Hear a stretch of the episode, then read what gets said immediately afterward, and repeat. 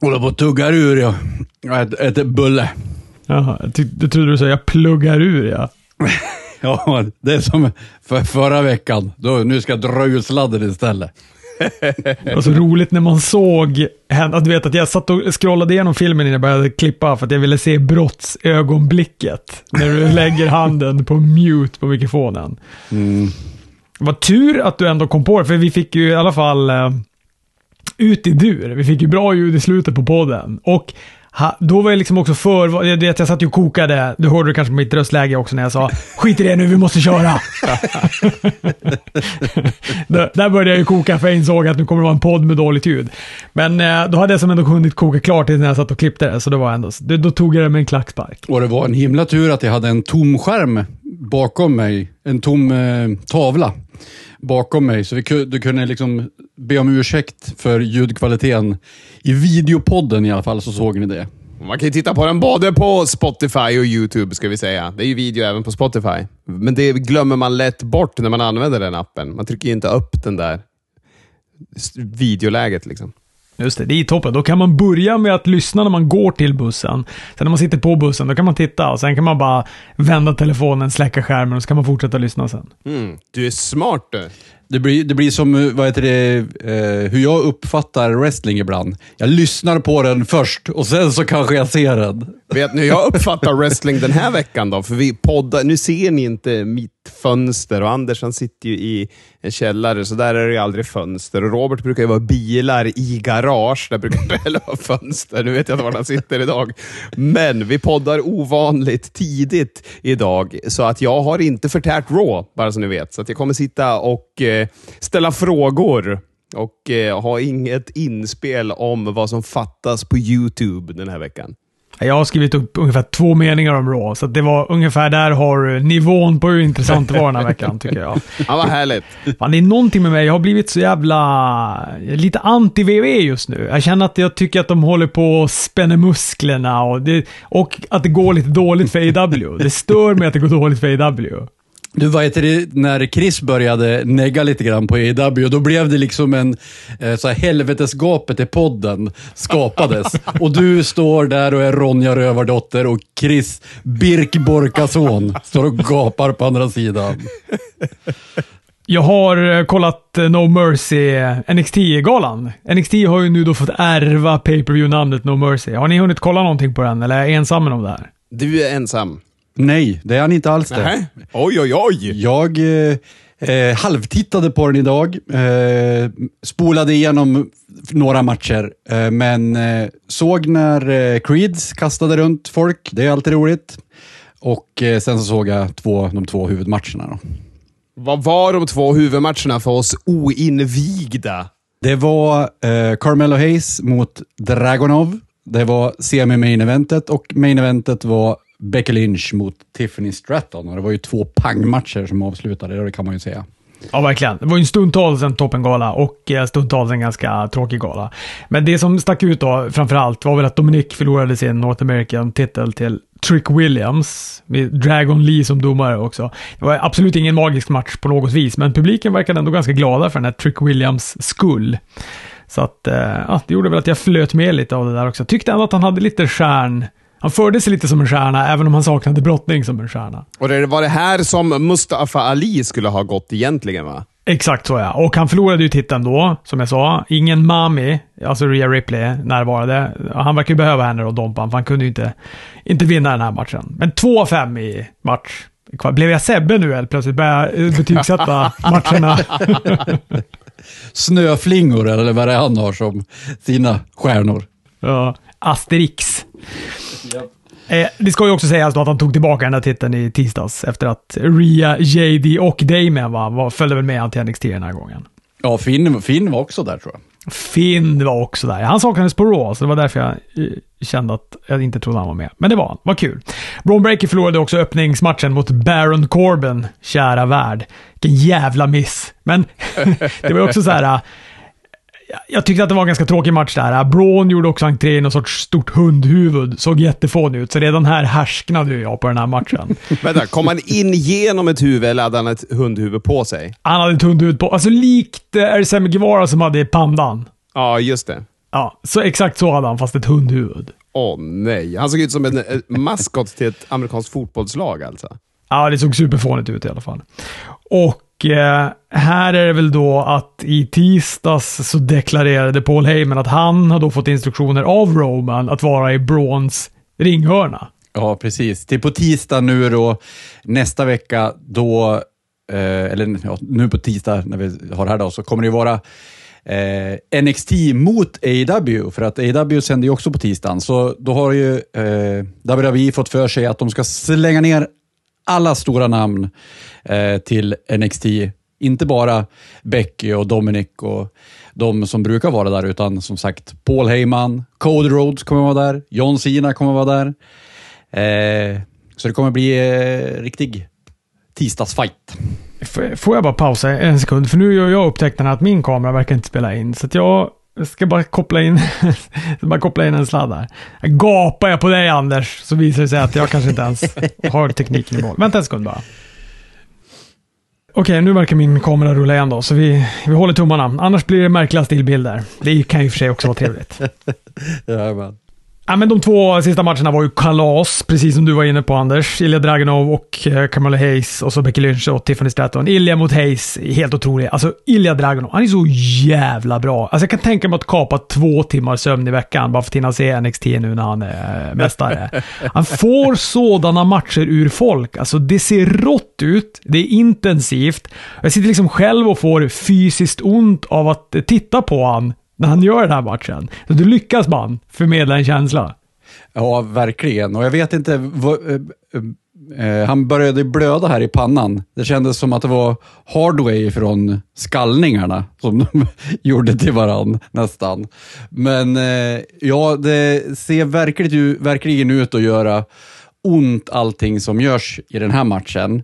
Och det har ju varit en diskussion här i veckan över vilken som har varit den eh, bästa matchen under veckan. Om det var Brian Danielson mot Zack Sabre Jr. eller om det var Dragonov mot eh, Carmelo Hayes. Carmelo Hayes. Ja. Och de är ju verkligen eh, två vitt skilda matcher. Jag har en, alltså för det första så har jag en röst som tillhör en 14-årig pojke, men det hör inte hit. Men vad heter det? Vad tycker vi om att de counterprogrammar, för det måste de ju göra med den här äh, tisdagen då, som du var inne på Anders innan. Ni, hur uttalar jag? Aj, Anders, jag är, det är nog fel med mig idag, men så får det vara.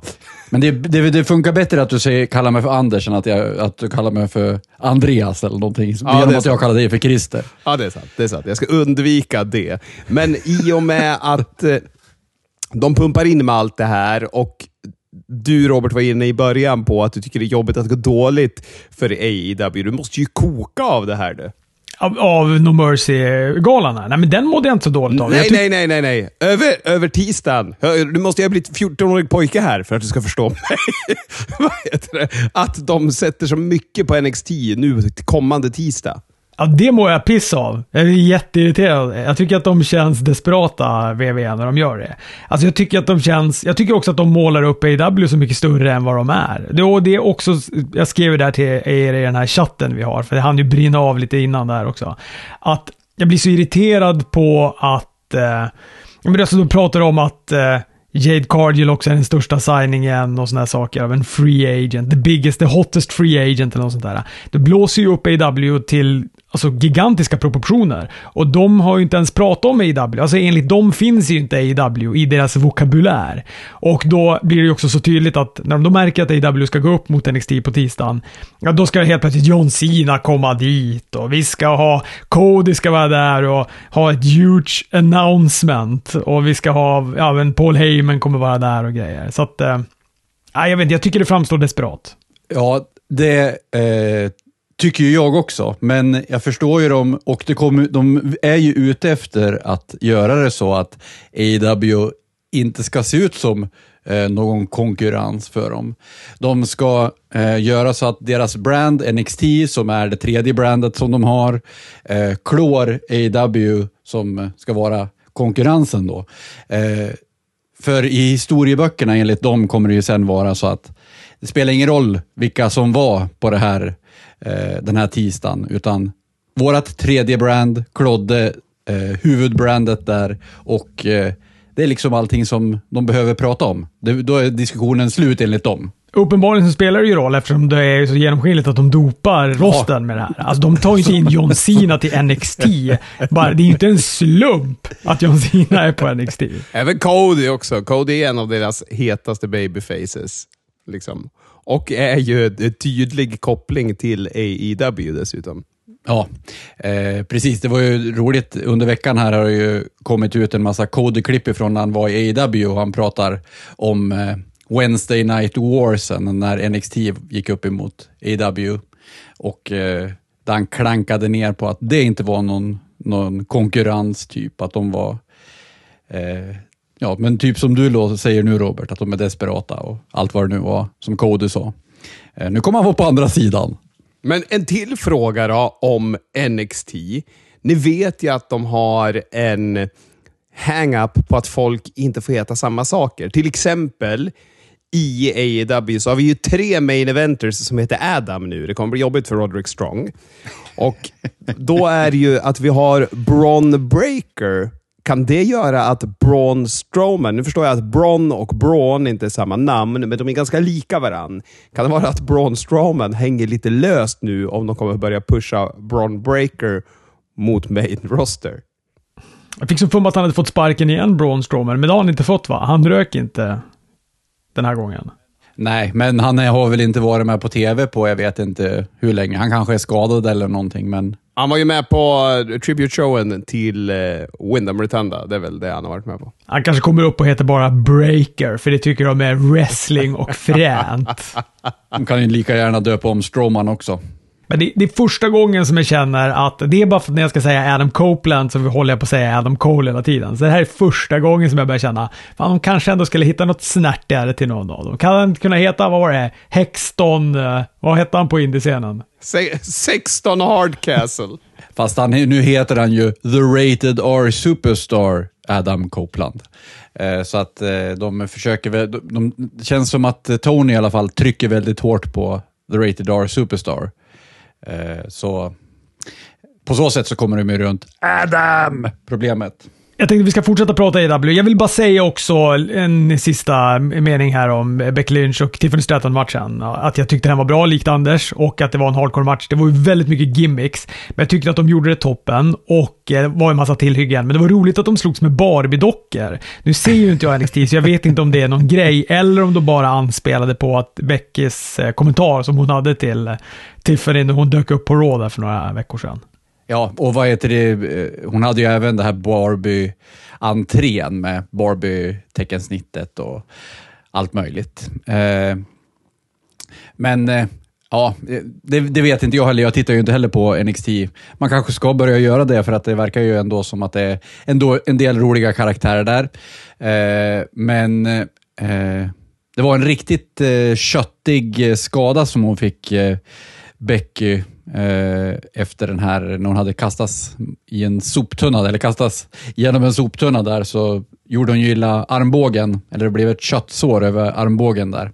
Eh, man fick se på, på Twitter sen, så såg ut som att det var en piraya eller någonting som hade bitit henne i armen. Eh, men eh, det var lite roligt för när hon ka- blev kastad genom soptunnan så Eh, rullade Tiffany ut och började kasta in stolar. Och då såg man att eh, Becky låg där och hade ont och så pratade hon med domaren.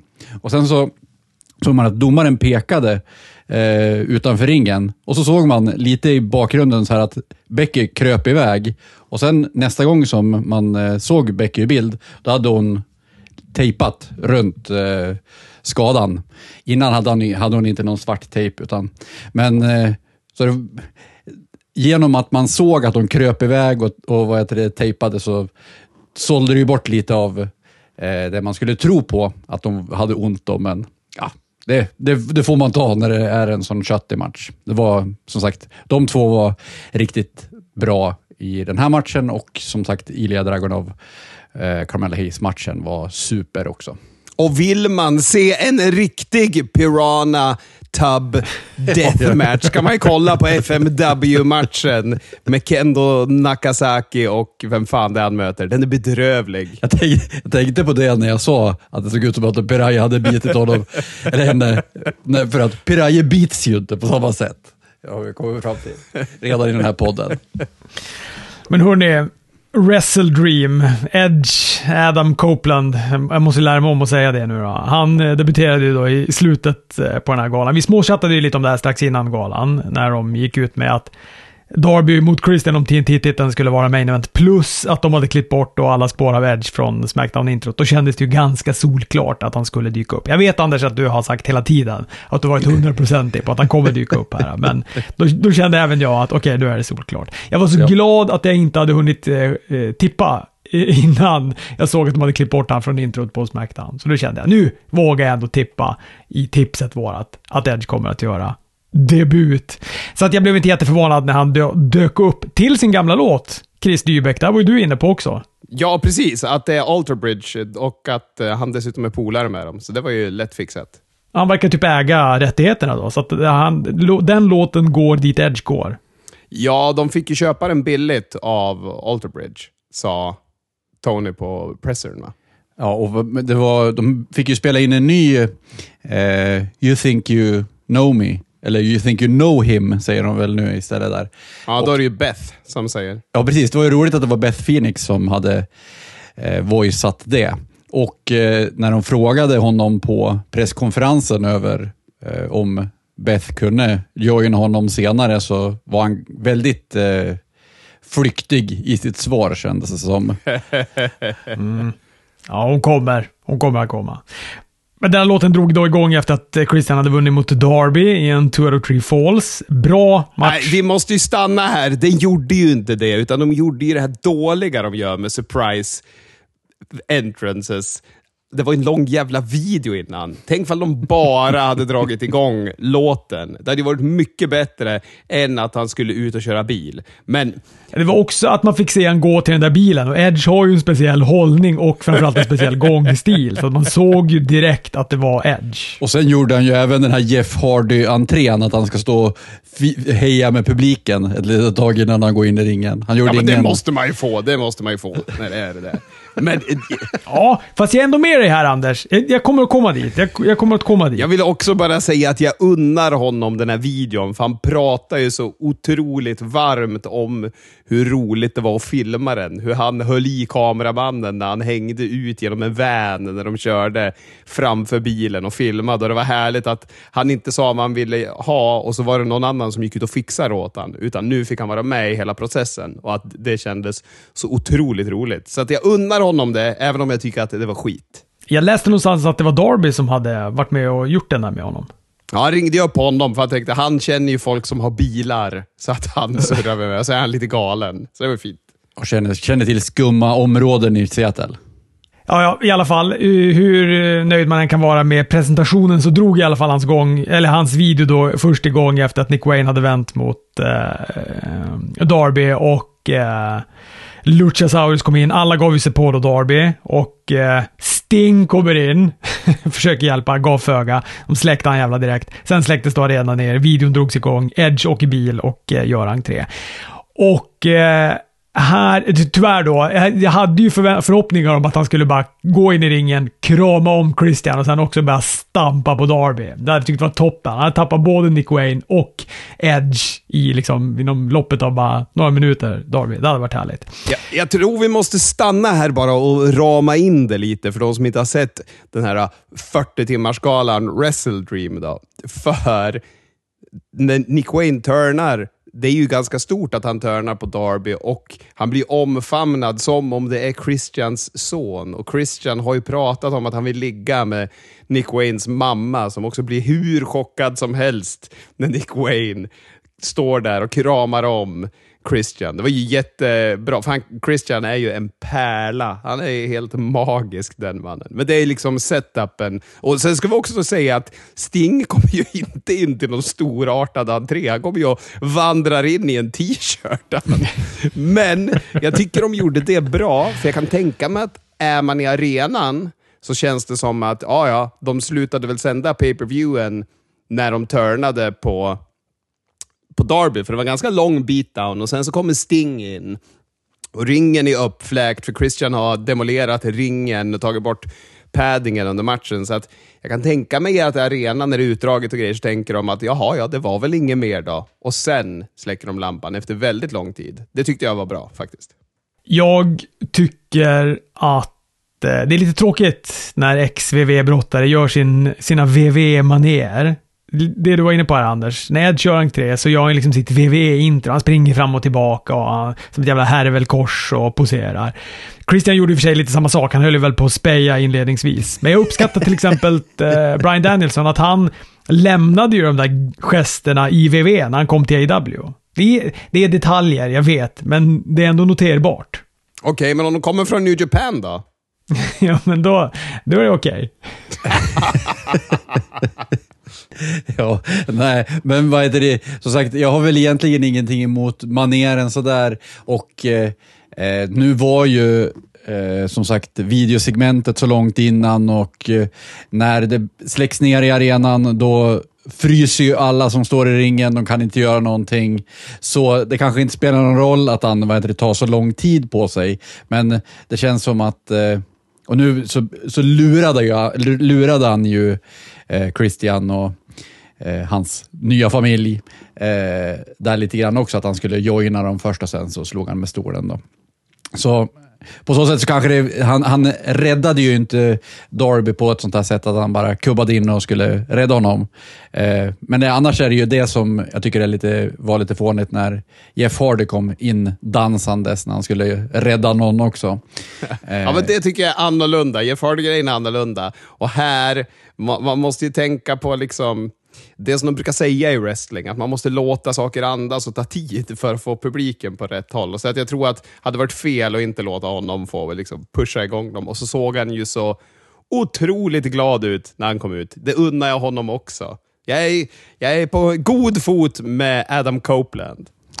ja, men och absolut, jag är en paradox här. Men, men jag tänker också att det, om man gör en reboot på sin karriär. Jag vill ju att det här ska bli liksom Edge 2.0. Jag vill ju inte att han ska göra exakt samma resa som han gjorde i WWE här nu när han kom tillbaka efter nackskadan. Och då kanske man ska lämna 95% av poserna i alla fall, när man gör entré i WWE. Och så kan man kanske hitta på något nytt när man kommer in i AW. Det kanske kommer. Jag gör väl inte så mycket mer än att han springer och stampar. Jag vet inte riktigt vad det är du stör dig på. Men han har det speciella. Han kommer in och så pumpar han upp publiken så här och så springer han fram till ena sidan och så liksom vinkar han igång dem där och så ryker det och grejer och så springer han till andra sidan och så vinkar han igång dem där och sen ställer han sig och gör den där posen han sträcker upp händerna och så kommer eh, pyroteknik i bakgrunden. Han kan bara gå rakt in. Men okej, okay, om vi gör så här då. När, när Glenn Danzig hoppade av Misfits, skulle han då vad heter det, skaffa kostym och munkfrilla? Eller vad fan är du ute efter? Jag fattar inte. Nej, men det behöver han inte göra. Nej, men det enda jag efterlyser är så här, han behöver kanske inte springa fram och tillbaka precis som han gjorde i WWE. Han kanske bara kan gå in den här gången. Alltså, likt Brian Danielson inte kommer in och håller på att liksom skicka upp händerna i luften och gör yes-grejerna. Det är det, enda, det är det enda jag vill. Alltså att han ska kanske bara lämna någon grej så att man inte känner att okej, okay, du kommer in och gör exakt samma WWE-pryl i AW. Men jag kanske, jag, jag, jag är kanske helt ensam om det här. Det är inte så att det, jag hör internet koka av att han gör gamla WWE Edge gester. Utan eh, det är bara vad jag själv personligen efterlyser. Ja. Det... Edge får ta till sig av det här eller så får han bara låta det rinna av sig. Ja, vi får väl låta AI översätta det här och skicka till honom. Men eh, som sagt, det kan ju också vara, nu har, har det ju bara varit eh, att han eh, har varit med i två shower nu då, genom att han var med på Dynamite också. Men eh, han har ju bara gjort sitt intro riktigt en gång känns det väl som. Eh, och eh, eh det kanske är som hans eh, hejdå till eh, Edge-karaktären nu lite grann och sen så tar Adam Copeland vid. Han kanske inte kommer köra samma sak när han kommer in nästa gång. Ja, men det är som om Rick Flair, skulle Rick Flair börja springa till ringen? Jag tycker det är jättekonstigt. Jag fattar inte det här. Han ska åka motorcykel och sträcka upp armen. Ja, jag, jag vet inte. Jag är inte med på det här tåget. Jag tror att det är bra att ge folket det de vill ha, speciellt initialt. Det hade varit jättekonstigt om man kom in och cyklade. Jag menar, vad fan. Jag tycker och för sig så här, jag tycker att Jeff Hardy ska få ha sin jävla dans. Det tycker jag han ska ha, för det är lite som Ric Flairs gång. Det är liksom karaktäristiskt för honom. Men jag tror inte att jag tycker att Edge springa som ett härvelkors fram och tillbaka är karaktäristiskt för Edge. Nej. Han, behö han behöver inte riktigt det, men eh, som sagt. Skriv i kommentarerna, ska han springa som ett härvelkors? Eller är ni med mig? Han behöver inte cykla till ringen. Det kommer bli en poll. Poll på eh, Spotify det här. Här försöker jag få upp vår interaktion på YouTube så vi ska komma högt upp i algoritmen. Sabbar han med pull på, på Spotify. Jag gör en poll på YouTube också. Eh, jag tän- tänkte dock på Nick Wayne. Visst känns det som att han passar mycket bättre som heel? Eh, Ja. Han eh, var ganska eh, sådär eh, mellanmjölk som face. Han hade ju ingen karaktär. Nu har han väl inte haft någon karaktär än så länge som heel heller, men han eh, känns som att han har ett, en sur uppsyn, så då vad heter det, så passar det bättre att vara heel. Han har aldrig varit heel heller tidigare i karriären, så att det ska väl vara kul. Alltså drömmen är ju att eh, Christian Cage adopterar han eller någonting. Att, liksom, att han verkligen går all in på det här nu och, och liksom tar honom under sina fan magiska vingar. Vi säger det ofta, men allt är förlåtet, Tony Khan. Christian Cage var den största signingen du har gjort fram tills nu kanske. Jag vet inte. Fan, Christian Cage, vilken magisk människa. Som han såg ut en gång under matchen, för er som inte har sett matchen, så första fallet får Darby Allen genom att dra upp hans polotröja över huvudet på, på Christian Cage. Och Christian Cage är ute ur ringen på fan, en mikrosekund efter att han förlorat det där fallet och drar inte riktigt ner sin polotröja utan det sticker ut ett öga ur den och han ser så förnärmad ut och han är fan helt bäst. Ja, han är verkligen toppen. Är han klar nu, Tony Khan? Var, var det Edge och Christian som var hans drömsigningar? Eller var det bara Christian som var hans drömsigning? Jag hoppas det bara var Christian. Säg nu att det bara var Christian. Ja, det vore magiskt ju. Ja, han har väl aldrig sagt att Edge har varit någon dröm. Det var ju, han byggde ju upp Christian bara Yes. som sin dröm-signing. Ja, allt, allt, all, äh, allt illa man har sagt om Tony Khan gällande det här, det är förlåtet. Men eh, en, en annan sak som jag vet, funderar på, nu hoppar vi runt lite grann, men eh, gällande Tony Khan i, i alla fall. Eh, eh på, jag, jag tänkte på eh, presskonferensen efter, så fick han en fråga gällande Wardlow om, eh, om eh, han är på väg tillbaka och så vidare.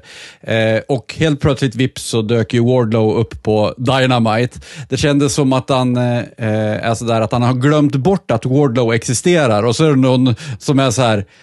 Eh, vi vill ha tillbaka Wardlow. Och just ja, och då skickar vi tillbaka han. Jag lyssnade även på Jimmy Jacobs på en podd här. Han var på Unrestricted här i veckan. Och då var det så eh, pratade han om att eh, eh, hur de bygger stories och hur det kan vara svårt att bygga stories genom att allting bara fortsätter hela tiden. Han pratade precis som du Chris brukar säga att det ska finnas en början, det ska finnas ett mitten och det ska finnas en, ett crescendo eller, eller liksom ett eh, klimax eller vad man ska säga på storyn. Eh, men eh, att det är ganska svårt när man bokar wrestling att ha det så, eh, för att det händer liksom saker hela tiden och det rör sig och så vidare. Och eh, Ibland så, eh, så bemöter publiken inte saker på så sätt som man hade trott och då så får man ändra sig på grund av det och så vidare.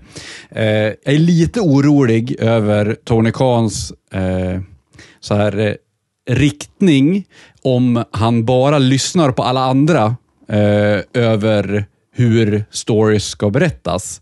Eh, för att då, om det inte bemöts bra ifrån början, så kommer den dödas liksom innan det har kommit till eh, det bra kanske. Ja, men det är ju det, man, man måste ju våga lita på storyn och låta den få ta tid. Och Det, det tycker jag du har rätt i. Han verkar ju vara dålig på det. Och det jag tänker på med just den här Warlow-grejen, och som jag tycker är ett återkommande mönster från Toddy Khan, det är att när han får kritik, så vill han alltid bevisa att det inte är på det sättet som folk säger. Och det känns som att det var en sån sak med Wardlow nu. Nej, nej, nej, han har vi inte alls glömt bort. Han är redo när han är redo och då dyker han upp. Och det var lika när det, var, när det stormade kring att han inte hade några afroamerikanska brottare. Då helt plötsligt så sköt han in jättemycket, eller alla han hade på rostern. Och, och han reagerar liksom. Han är, han är en han är inte proaktiv, han är reaktiv i sin booking. Och det är inte bra. Vi har ju berömt honom i början för att han var duktig på att kurskorrigera. Men det enda han gör är att kurskorrigera. ja. Och vad heter det, som sagt, det, är ju, eh, det var ju mycket kritik emot honom. Det är fortfarande mycket kritik emot honom gällande att stories eh, svajar. Eh, men eh, det kändes som att inför Wrestle Dream så var det väldigt mycket kritik emot honom med det. Och då hade han ju det så, som många pratar om att det var liksom det mest storydrivna Dynamite och han lämnade med en cliffhanger och allt möjligt. Och sen den här veckan så såg man ingenting av den här storyn igen. Så nu, eh, det liksom känns som att... det eh, var konstigt. Eh, det var konstigt. Det Anders pratar om är den storyn som vi nämnde i förra podden, att att Jay White blev attackerad. Vi fick inget mer förutom att de egentligen pratade om det i promos. Precis. Eh, Bullet Club Gold pratade ju lite grann om det eh, i sin promo emot, emot eh, MJF. Och Jay White kommer ju tillbaka också nu redan efter en vecka. Så att den här attacken som gjordes var ju inte så farlig, om man säger så. så jag vet inte nu, eh, hela den här vem är djävulen-grejen i alla fall, har ju tonats ner lite grann känns det som. Men ska vi tillbaka till Wrestledream? Vi har börjat i fel ände. Vi börjar med main event, eller vi började med vad som hände efter main eventet. Ska vi försöka tackla den här fem timmars galan? Ja, precis. Vi behöver inte gå igenom alla matcher, för då hinner vi ingenting annat. Det var ju fan Nej. 200 matcher och 48 timmar långt. Men jag gillar rubbet i alla fall. Jag tyckte synd om Asia Open mot FTR, för det kändes som att publiken var lite slutkörd här. Men jag tyckte den matchen var toppen. Jag tyckte också den var exakt så bra som jag hade förväntat mig att den skulle vara. Och då bröt han ju handleden också. Mark Davis i matchen. Såg inte ut att vara enkelt att göra double team movesen i slutet. Däremot en match som jag inte, eller som inte motsvarade mina förväntningar, utan överträffade dem redan skyhöga förväntningar. Det var ju Brian Danielson mot uh, Zack Sabre Jr. Jag tycker det här var en jävla pang-match och jag är nyfikna på att höra vad ni tyckte. Jag tyckte också han var toppen. Jättebra tycker jag han var. Uh, jag har ju, vad heter det, uh, alltså jag har ju sett fram emot den här matchen jättemycket, men om man tittar på uh, Zack Sabre Jr-matcher själv liksom, eh, mot andra personer så tycker jag att han är ganska ointressant.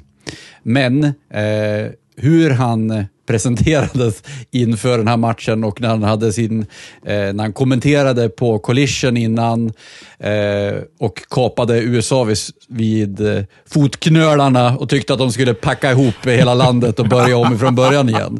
Eh, och sen när han hade den här när han hade den här matchen med eh, Brian Danielson, eh, vilken teknisk magi. Eh, de här två tillsammans eh, var ju liksom eh, som eh, kräm och mjölk. Perfekt. Jag läste Sebbes eh, recension av den här matchen och han skrev att Zack Sebbe Jr var färglös. Och jag klandrar han inte, alltså han är ju färglös. Men det är också det som är toppen med honom. Alltså han är ju britt. Alltså färglös, full av sig själv och helt jävla otrolig brottare. det kan inte bli bättre än så här. Jag tyckte det här är årets match. Jag tyckte den här var hur bra som helst. Och det enda som hade kunnat göra den lite bättre var väl ifall Zack Saber fick vinna den. Men eh, det gjorde han inte. Brian vann och det lutar väl åt att det ska bli en till match va? I Japan eller England. Han sa väl det, Zack Jr. Det var ju så han... snyggt bokat för Brian Danielson vann ju inte på submission. Han vann ju på en Psycho 9 och det gjorde ju att de protectade ju Zack Saber Jr. i vilket fall. Bägge liksom såg stark ut med den utkomsten. För nu vet vi fortfarande inte vem som är den tekniskt bästa. Nej, jag chitchattade lite med Johan Karlsson, vår kära lyssnare. Ni vet han som jag misstänkte att jag hade snackat ihjäl mellan Arlanda och Heathrow på flyget till Wembley. Där.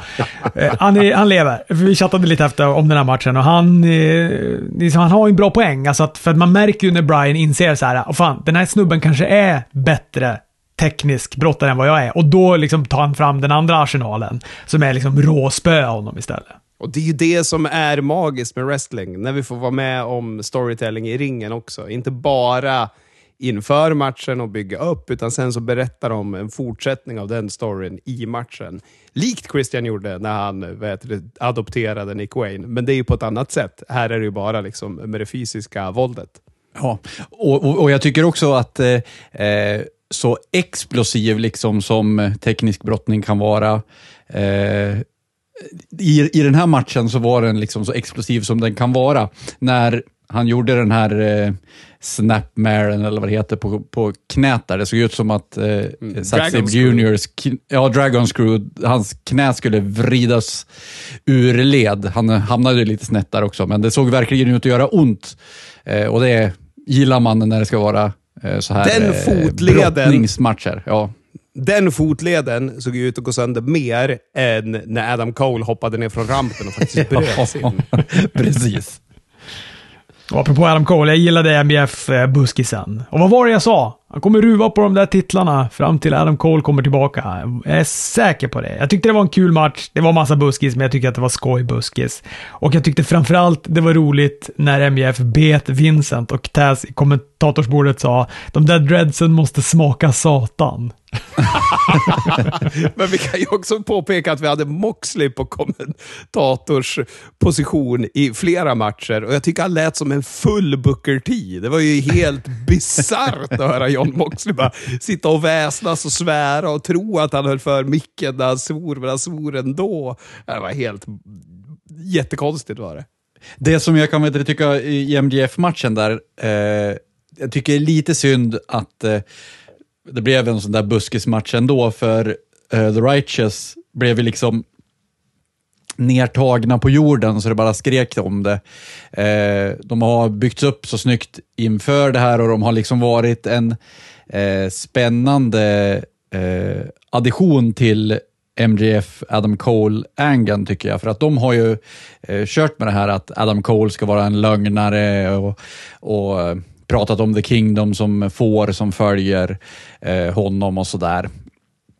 Eh, så jag tycker att eh, nu vet jag inte hur de kommer fortsätta med det här, men de såg ju så löjliga ut när eh, MJF kunde klä ut dem själv och han gjorde precis vad han sa innan att han skulle göra med dem utan problem. Liksom. En snabb match och sen var det över. Men jag älskar dem fortsatt.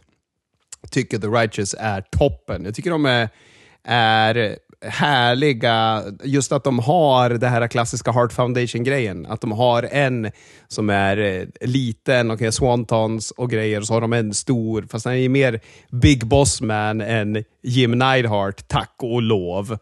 Eh, jag gillar dem supermycket. Jag tycker även att de har en bra look. Det enda jag stör mig på är Dutchs jävla tunga. Men det vet vi att jag hatar tungor. ja, han har verkligen kört med tungan. Ja, men jag tycker också lite tyvärr att det klär honom, vilket yes, får mig att må dåligt med mig själv. Vad håller på att hända? Ja, men det är ju som sagt, han eh, gör ju det för att han ska vara liksom ett äckel på något sätt. Och det, det väcker ju äckel hos dig, så att det är ju perfekt. Det är ju precis det som de är ute efter. Men eh, jag tror ja, att... Vi klippt och skurna för att äckla mig, det är bra. ja, men jag tror, jag tror att eh, om du ska fortsätta att gilla att se dem, så tror jag att du kommer få fortsätta att gilla att se dem på Ring of Honor efter det här. Shibata och Eddie Kingston tyckte också var en bra match. Den var ganska kort. Eddie Kingston fick vinna den. Julie Hart och Statlander, den får vi stanna upp lite vid. Jag tycker den här matchen var toppen. Snacka om att vinna över publiken. Alltså, jag är mest imponerad över Julia Hart i den här. För att, vi har varit inne på det tidigare. Hon har ju alltid haft massa, massa karisma. Men hennes brottningskurva har ju fan en tjusig lutning.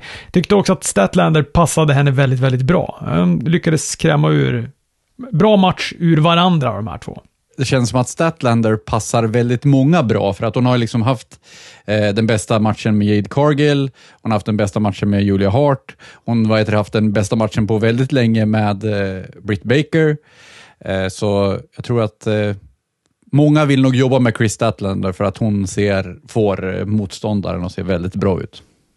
Kanske att jag tycker att de borde ha gett eh, titeln till Julie Hart här. Statlander vann ju och behöll den. Jag tror publiken var inne på det också. De var väldigt bakom Julie Hart. Ja, precis. Men hon kanske hade fått den om hon inte ska försvinna bort på en honeymoon i en månad, eller vad fan hon kommer vara borta. Det är så konstigt det där. Varför...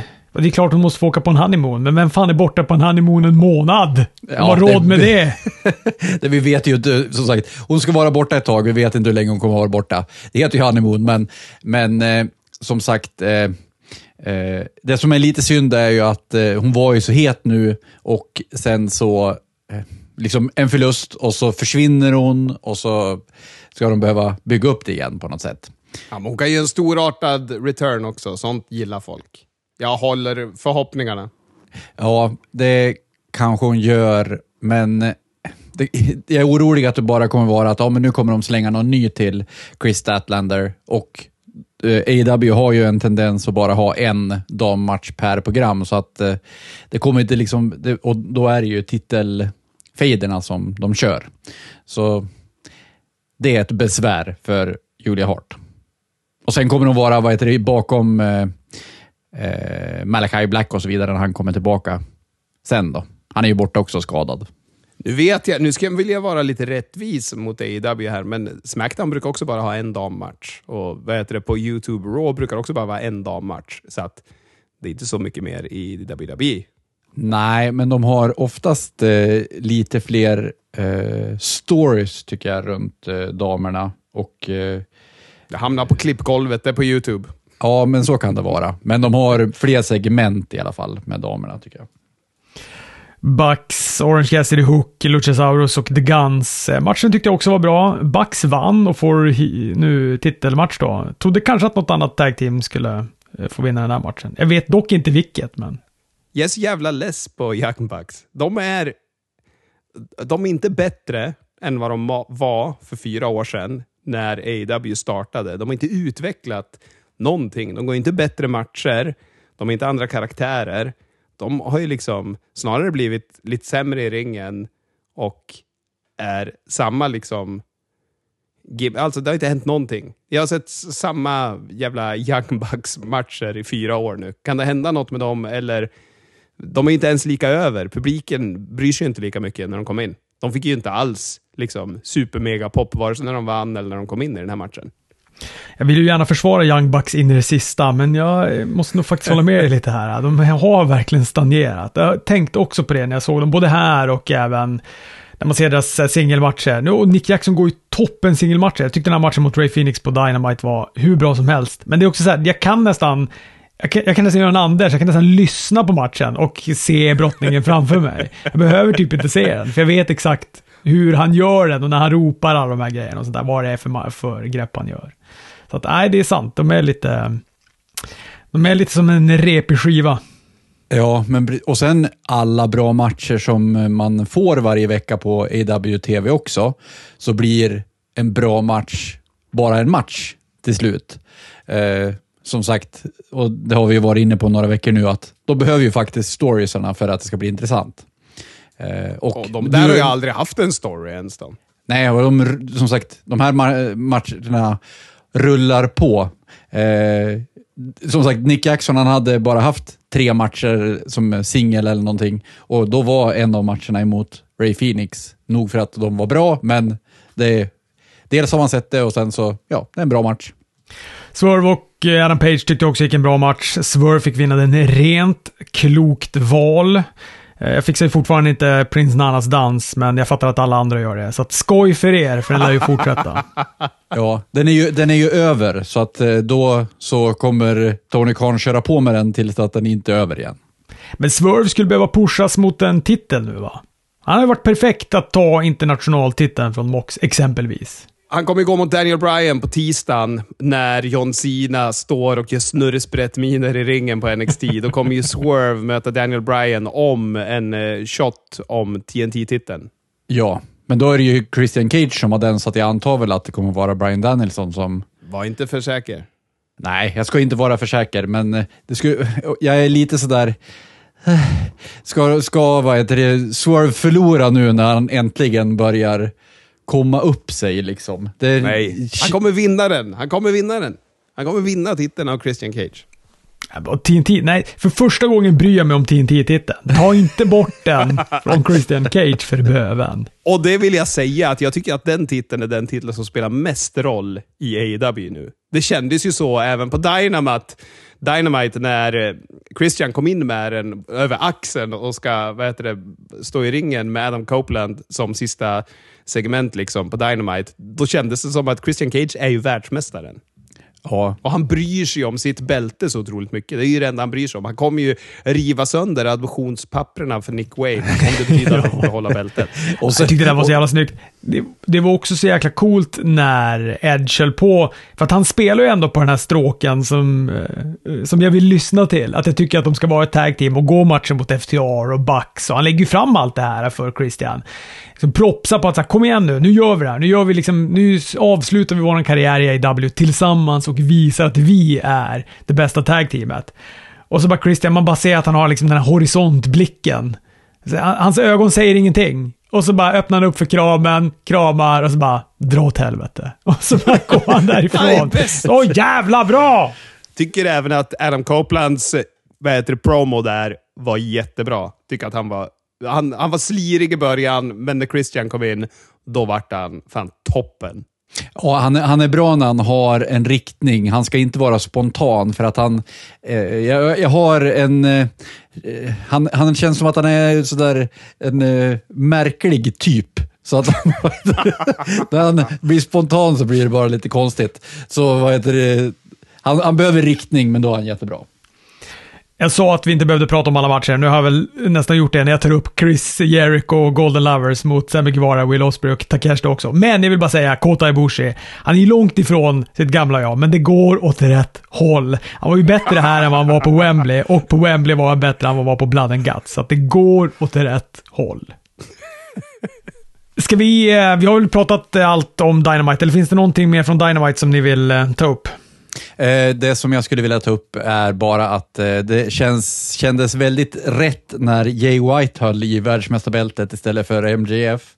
Nu tror jag inte att Jay White, Jay White kommer ta bältet av MJF, eh, men jag börjar tröttna på MJFs nötiga promos där han bara har low hanging fruit och han försökte ju kopiera The Rocks promo ifrån för någon vecka sedan när de skulle starta en chant eh, också. Eh, jag vill... Utan Adam Cole så är inte MJF så kul som face. Och jag undrar vad vi tycker om vi ställer Next Strong mot Elton Strong den här veckan. för nu fick de ju... Nu kändes det som att AEW hade tittat på Smackdown, för nu var det så otroligt pajigt när de hade vad heter det, rullstolsrace i Roderick Strongs kök medan Matt Taven satt och smekte en giraff som hade stark nacke. Lång och stark nacke. Jag tror jag gillar Pretty Deadly bäst i de här segmenten. Kortare och roligare på något vis. Jag tror att jag gillade, det, nu liksom så här, vad var det, Dan Bäckman som höll på med den här TV4-dramaten 1-0. Nu är det liksom eh, Ja. 1-1 här. Japp, japp, japp. Det håller jag med om. Också kanske vi bara ska tillägna en liten tanke till Timeless Tony Storm. Vilken jävla Ja. stjärna hon är. Alltså, i hennes match här mot Sky Blue, som, det var väl absolut inte hennes bästa match, men jag njuter av gimmicken så mycket så att jag sitter klistrad. Också väldigt kul när hon påannonserade reklamen. Now a word from our sponsor från eh, ringkanten. Stjärna. Ja, jätteroligt. Ja, verkligen. Gud vad bra att hon fick gå lite bananas. Tror ni att det är någonting med eh, att Sky Blue hade lite mörkare smink och hade fått, eh, hon har ju fått misten för någon vecka sedan hon också. Jag, vad heter det, har, eh, jag följer det här att Willow var mörkare, mörkare med sminket och nu vad heter den här veckan var Sky Blue. Jag vill inte ha några fler i House of Black, men det känns som att det är någonting lurt på gång med alla. Ja, men vad ska hon heta då? då? Nattsvart eller? Hon kan inte heta Sky Blue och vara med House of Black. Det tror jag inte en sekund på. Total fucking darkness kan hon heta. är inte det, är det Satyricon eller det är någon jävla black metal-band som har gjort det? Kanske. Det finns ju ett band som heter Totalt Jävla Mörker i Sverige. Ja, precis. Och de tog ju det från, de översatte, jag tror att det kan det vara Cradle of Filth. Nej, fan jag kan verkligen inte min black metal. Jag är ju på, ute på så djupt vatten här nu. Så att jag, jag, jag, jag slutar bara prata. Ska vi säga någonting om tipset? Ska man... Ska man Ja, nu, det ska vi. Det ska vi. Jag var bäst av de tre i podden. Det är viktigt, viktigt, viktigt. Eh, ja, på tipset eh, för Wrestle Dream så har vi en ensam segrare och det är Armin Idic. Eh, jag skickade och sa att han var en wrestlingdröm eh, ifrån våran mail och han svarade med att, eh, tackade och svarade att han har börjat försöka tänka som Tony Khan och det gav frukt den här gången. Så vi får se om han kan... Det är lite luddigare i och för sig i WWE vem det är som bokar, om det är Triple H eller om det är Vince eller vem det nu är. Så att han, Jag tänker ju allt alltid på att han spelar podden för sitt barn när hans namn dyker upp. Vilket får mig att känna en värme inombords. Ja, så vi får gratulera eh, Armin eh, för, för Wrestle Dream-segern då. Eh, tvåa eh, var en eh, delad eh, fyrling där. Det var DJ Sheet, Mr A, Rickard Petersen och Sir Brutality. Eh, bäst i podden var Kristoffer Dybeck. Yes. Vi behöver inte prata om vart eh, jag och Robert kom. Vi kom inte så bra den här gången. Det vankas ju pay-per-view i helgen också, så vi ska ta och sia lite om Fast Lane. Eh, Om nu våra jävla råd till de här tipsen är något att ha ens. Sig, gick ju bra för att- Men det är liksom lotteri vem det är ni ska Ja. tro på. Japp. Ja. Eh, Vi, ehm, ja, men vi tar lite VV innan vi, vi avslutar med det då. Vi har ju haft ett eh, Smackdown som fortsätter med sin favorit eh, John Cena. Det första som händer är att Solo, Jimmy, Uso då, och Paul Heyman står i ringen och säger att John Cena har transportproblem. Men han kommer kanske dyka upp. Så med andra ord, stäng inte av tvn. Fortsätt titta på den här skiten.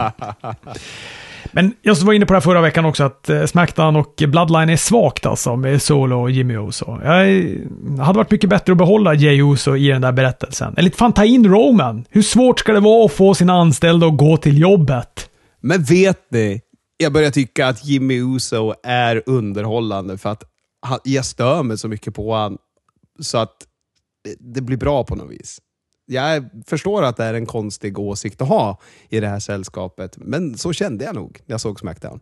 Ja, men, vad heter det? Jag tycker väl egentligen om den karaktären som Jimmy Uso har också, men det som eh, är lite eh, svårt för mig är de- har ju liksom inte förklarat varför har han gått tillbaka till Bloodline igen. Och eh, svaret bara skjuts eh, framåt också, om man kommer välkomnas in i Bloodline eller inte när Roman är tillbaka. Eh, så jag vet inte, vill, han var ju så mycket emot Roman när han försvann. Eh, eller när han blev utkastad, eller lämna Bloodline då. Och nu ska han helt plötsligt vilja jobba sig tillbaka. Varför vill han det? Det är lite sådär, eh, jag vill bli kvitt den där frågan eh, i huvudet. Så där, därför så blir det lite svårt med, med hela Bloodline-storyn, men om man vad heter det, bara tittar på Jimmy Uso och hur han agerar på tv så tycker jag att han är bra.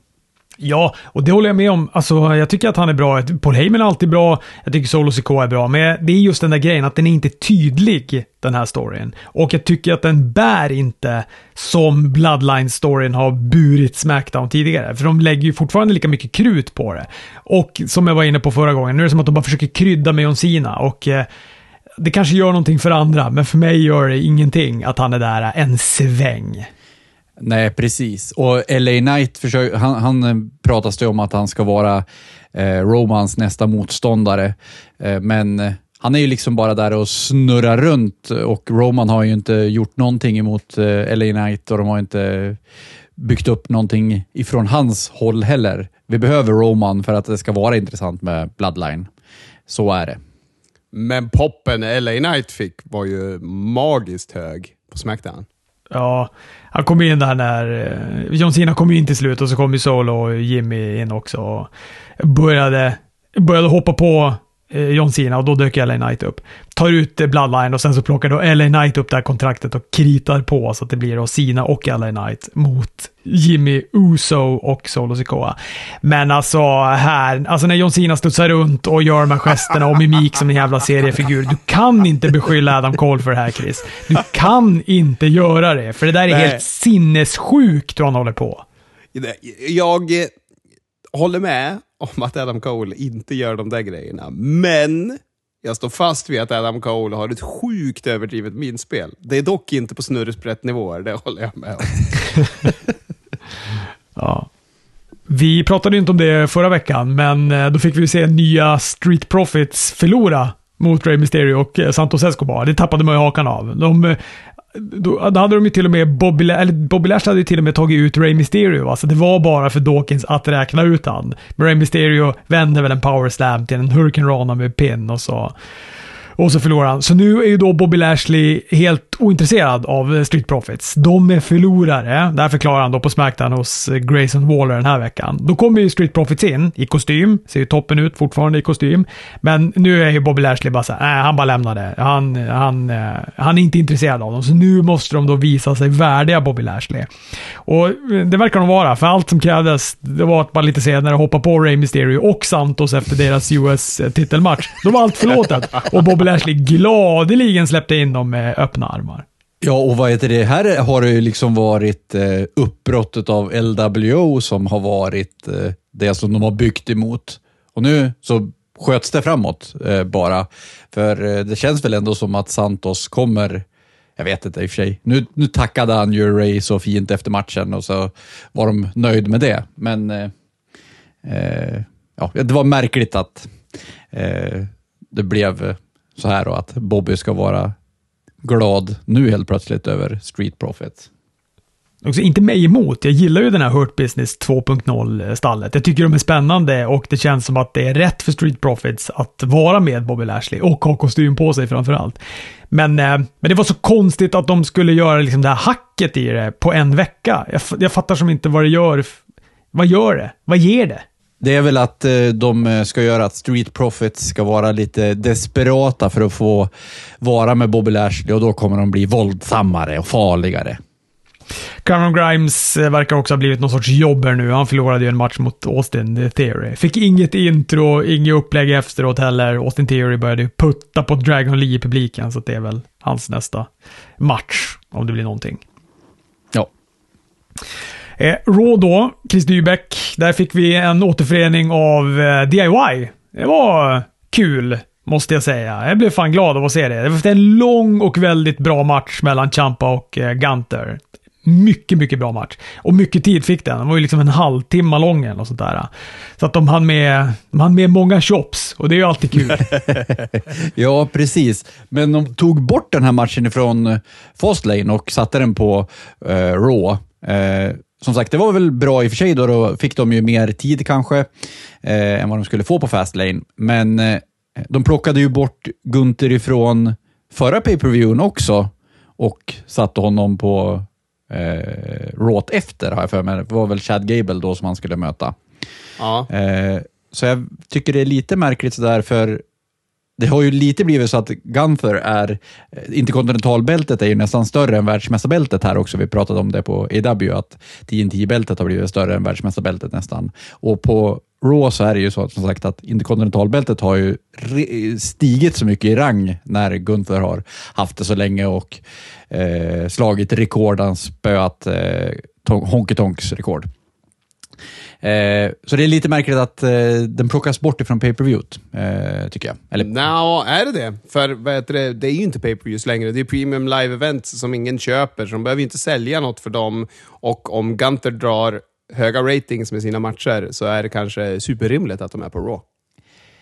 ja, eh, men om man ska tänka så då, ska vi inte ha några, några event som vi ska bygga emot? Eh, Alltså, Ja, men det ska- behöver de inte med honom. Han behöver bara bygga mot en lång match. De har ju tre timmar att fylla. Så då ha långa matcher med Gunter som drar tittarsiffror utan att de tappar publik. Det kan ju vara en sån enkel grej och då är det kanske superrimligt. Men eh, skulle, i så fall då, skulle de inte ha gjort reklam för innan eh, istället för att de på samma Raw eh, ändrar sig och säger att ja, men vi borde ha den ikväll. Okej, vi kör den ikväll, säger Adam Pearce. Och så, vad heter Nej, det? men det är ju retention. Retention är ju viktigt. För de brukar ju alltid tappa, då man kan bibehålla. Jag tror att det kan vara smart, ja. Ja, jag tror i så fall så skulle de göra reklam för innan så att de kan få in de här personerna redan innan. Åh, Gunther, min favorit, ska köra. Ja, men Eh. det tror jag inte. Jag tror inte någon av dem. För de, eh, och WWE säger att branden är större. Ja, det ser man ju nu inte på NXT-bokningen där på tisdag. men vad heter det? Och då hamnar du i det här också som vi klagar på AEW, att man utannonserar grejer. Man vill ju bli överraskad. Jo, i, i och för sig. Men eh, grejen med WWE är att de eh, marknadsför ju... Ing, ingenting som de marknadsför genomförs ju, mer eller mindre. Så att eh, eh, Det är ju raka motsatsen, men ja, okej då. Jag är sån djävulens advokat i den här podden nu för tiden, så det, jag borde ha MJFs djävulsmask hängande bakom mig här. En sak eh, som eh, jag tycker är lite intressant, men som man också får passa sig för, det är att Ivar riskerar att få en lukrativ singelkarriär. Alltså han gör ju sin andra jävla pangmatch här på Raw, den här gången då mot Xavier Woods. Förlorar dock, men publiken älskar ju Ivar och han fick, han fick ju holy shits-rop också när han buntade ihop Xavier och Kofi och gjorde en moonsault på högen. Så att han får passa sig. Snart börjar Vince dra i honom och så är den andra tjommen historia. Men han är väl lite historia nu? Alltså han är väl skadad och ska vara borta en längre tid, eller något liknande. Ja, skadad vet jag i alla fall, men hur lång tid vet jag inte. Men nu var ju inte heller... Eh, eh, vad heter han då? Eric. Valhalla. Ja, Valhalla, Valhalla var ju inte med den här veckan heller, så att eh, han börjar ju gå ifrån dem där. Eh, hela tag-teamet då, hela konstellationen. Ha, Fastlane. Anders. Ja, det är ju ganska få matcher eh, som eh, är annonserade än så länge i alla fall för Fastlane. Eh, men vi har fem matcher i alla fall eh, och eh, vi kan inleda med att tippa. Eh, LWO, här eh, är det Rey Mysterio, Santos Escobar och Jacqueline Wild eller Cruz del Toro. De har inte annonsat vilken som är den tredje deltagaren där. Emot Bobby Lashley och Street Profits. Det känns väl solklart att Street Profits och Bobby Lashley måste få den här vinsten. Annars är det ännu märkligare allting. Ja, jag är med på det tåget. Ja, annars så vad heter det, kommer han ju skicka iväg Street Profits så de måste bevisa sig igen.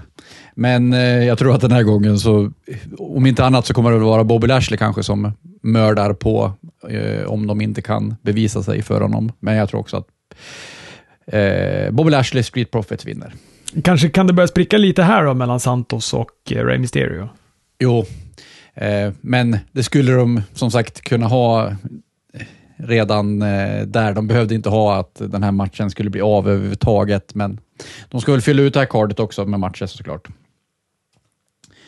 Eh, John Cena och LA Knight emot Jimmy Uso och Solo Sikoa. Face-killarna vinner. Ja, det tror väl jag också. Eh, ingen av eh, Sina behöver de väl inte pinna och LA Knight eh, är ju på väg uppåt, så att eh, det är väl Jimmy Uso som kommer ta pinnet antar jag. Eh, tror ni att Jay Uso kommer ha någonting med den här matchen att göra? Nej, jag tror inte det. Jag tror att de vill hålla, de vill hålla de här grejerna isär nu. De har, nu har de bytt. Nu är han, nu är han liksom involverad i Judgment Day, så att, eh, jag tror inte att han kommer ha någonting med, med den här att göra. Nej, inte jag heller. Nej, det, jag, jag, tror inte att han kom, jag tror inte att han kommer ha någonting med den här att göra, men det skulle kunna vara omvänt så att eh, Bloodline har någonting med den andra matchen att göra när eh, Jay är med. Då, men det kommer vi till senare. Den chansen tror jag är större. Ja, eh, det tror jag också. Trippelmatch med eh, Io Sky mot Aska mot Charlotte Flair som helt plötsligt ska vara med i en mä- världsmästarmatch, märkligt nog. Ja, Jag har ju konsekvent sagt att hon alltid kommer ta titeln så fort hon är med i en titelmatch. Så att jag fortsätter att hålla vid den linjen. Charlotte Flair vinner och blir mästare för femtonde gången kanske då. Har hon en gång kvar sen till farsan. Jag tror också det, tyvärr. Jag vill det inte, men jag tror det. Jag tror att Io Sky behåller bältet. Eh, jag vet egentligen inte varför jag känner det. Eh, för hon har haft bältet ett litet tag, lite längre än vad jag trodde att hon skulle ha bältet. Men eh, jag har tippat det i alla fall. Och jag har tippat att hon eh, pinnar Charlotte Flair också.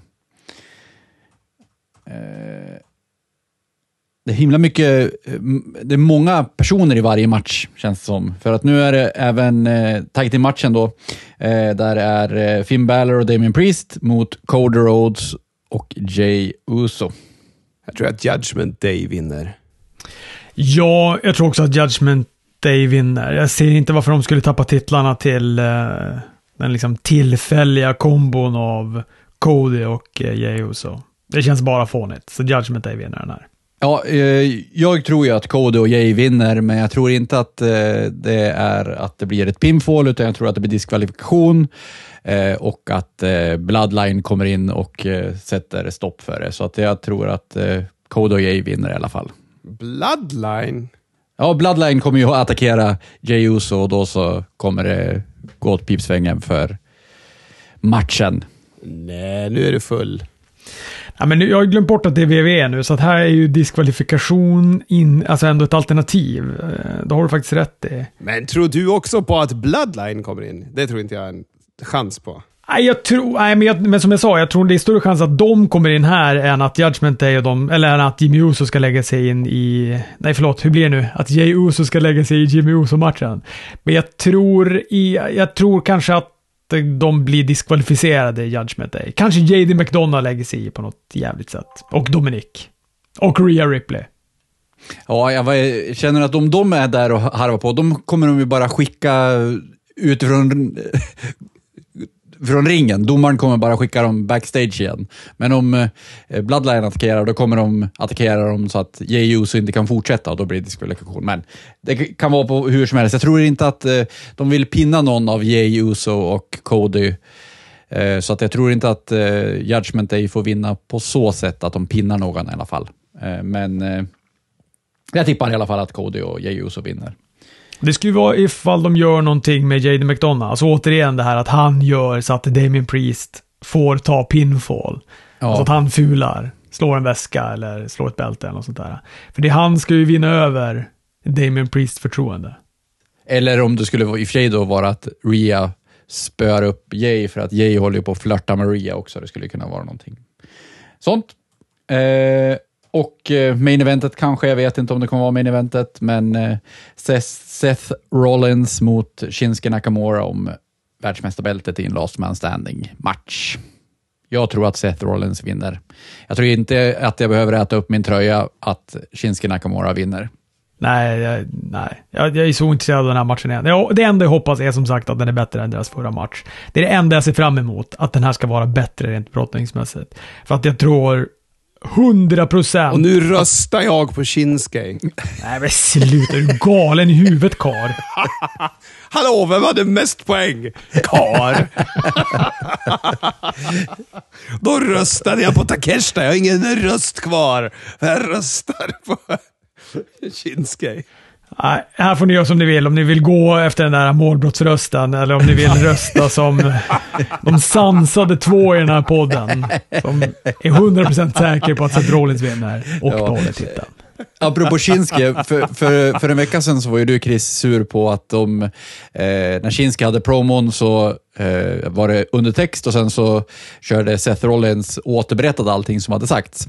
Eh, den här veckan så hade de även att eh, Shinsuke hade text, men de hade det bara på Titantronen och sen så vad det, filmade de tillbaka på Seth hela tiden så att han pratade japanska och sen så såg man inte vad han sa överhuvudtaget och ingen sa någonting vad han sa heller. Så att det var lite märkligt att de filmade bort ifrån där texten var. Åh nej. Vi kan avsluta med, tror ni att eh, någon av Randy Orton eller Jade Cargill kommer komma tillbaka eller debutera på den här galan? Jade kommer och utmanar Charlotte. Ja, det vet jag fan om, om hon kommer in och... Ja, men ja, kanske. Hon kommer nog komma in och eh, ställa sig och... Ställa sig öga mot öga mot eller något sånt där. Absolut, det tror jag. Exakt, det är det jag menar. Så att vi har dem på en kollisionskurs, men det är en bit bort. Men vi vet vad, vad som komma skall. Skulle kunna vara, men jag tror eh, omvänt. Jag tror att det är Randy Orton som kommer, kommer komma åter. Eh, det kommer vara glatt ett litet tag, men han kommer turna mot Seth Rollins. Så kommer det vara en angle dem emellan sen. Story dem emellan. Du menar att han kommer turna mot Shinsuke Nakamura? Nej, han kommer, det kommer vara Randy Orton mot Seth Rollins, för Seth Rollins kommer vara klar med Shinsuke Nakamura och han behöver någonting nytt, så då blir det Randy Orton han får möta. Ja, det har du rätt i. Han behöver verkligen någonting nytt. Ska du avsluta, Chris, med din målbrottsröst? Detta av detta. Vi hörs! Hur lät det där?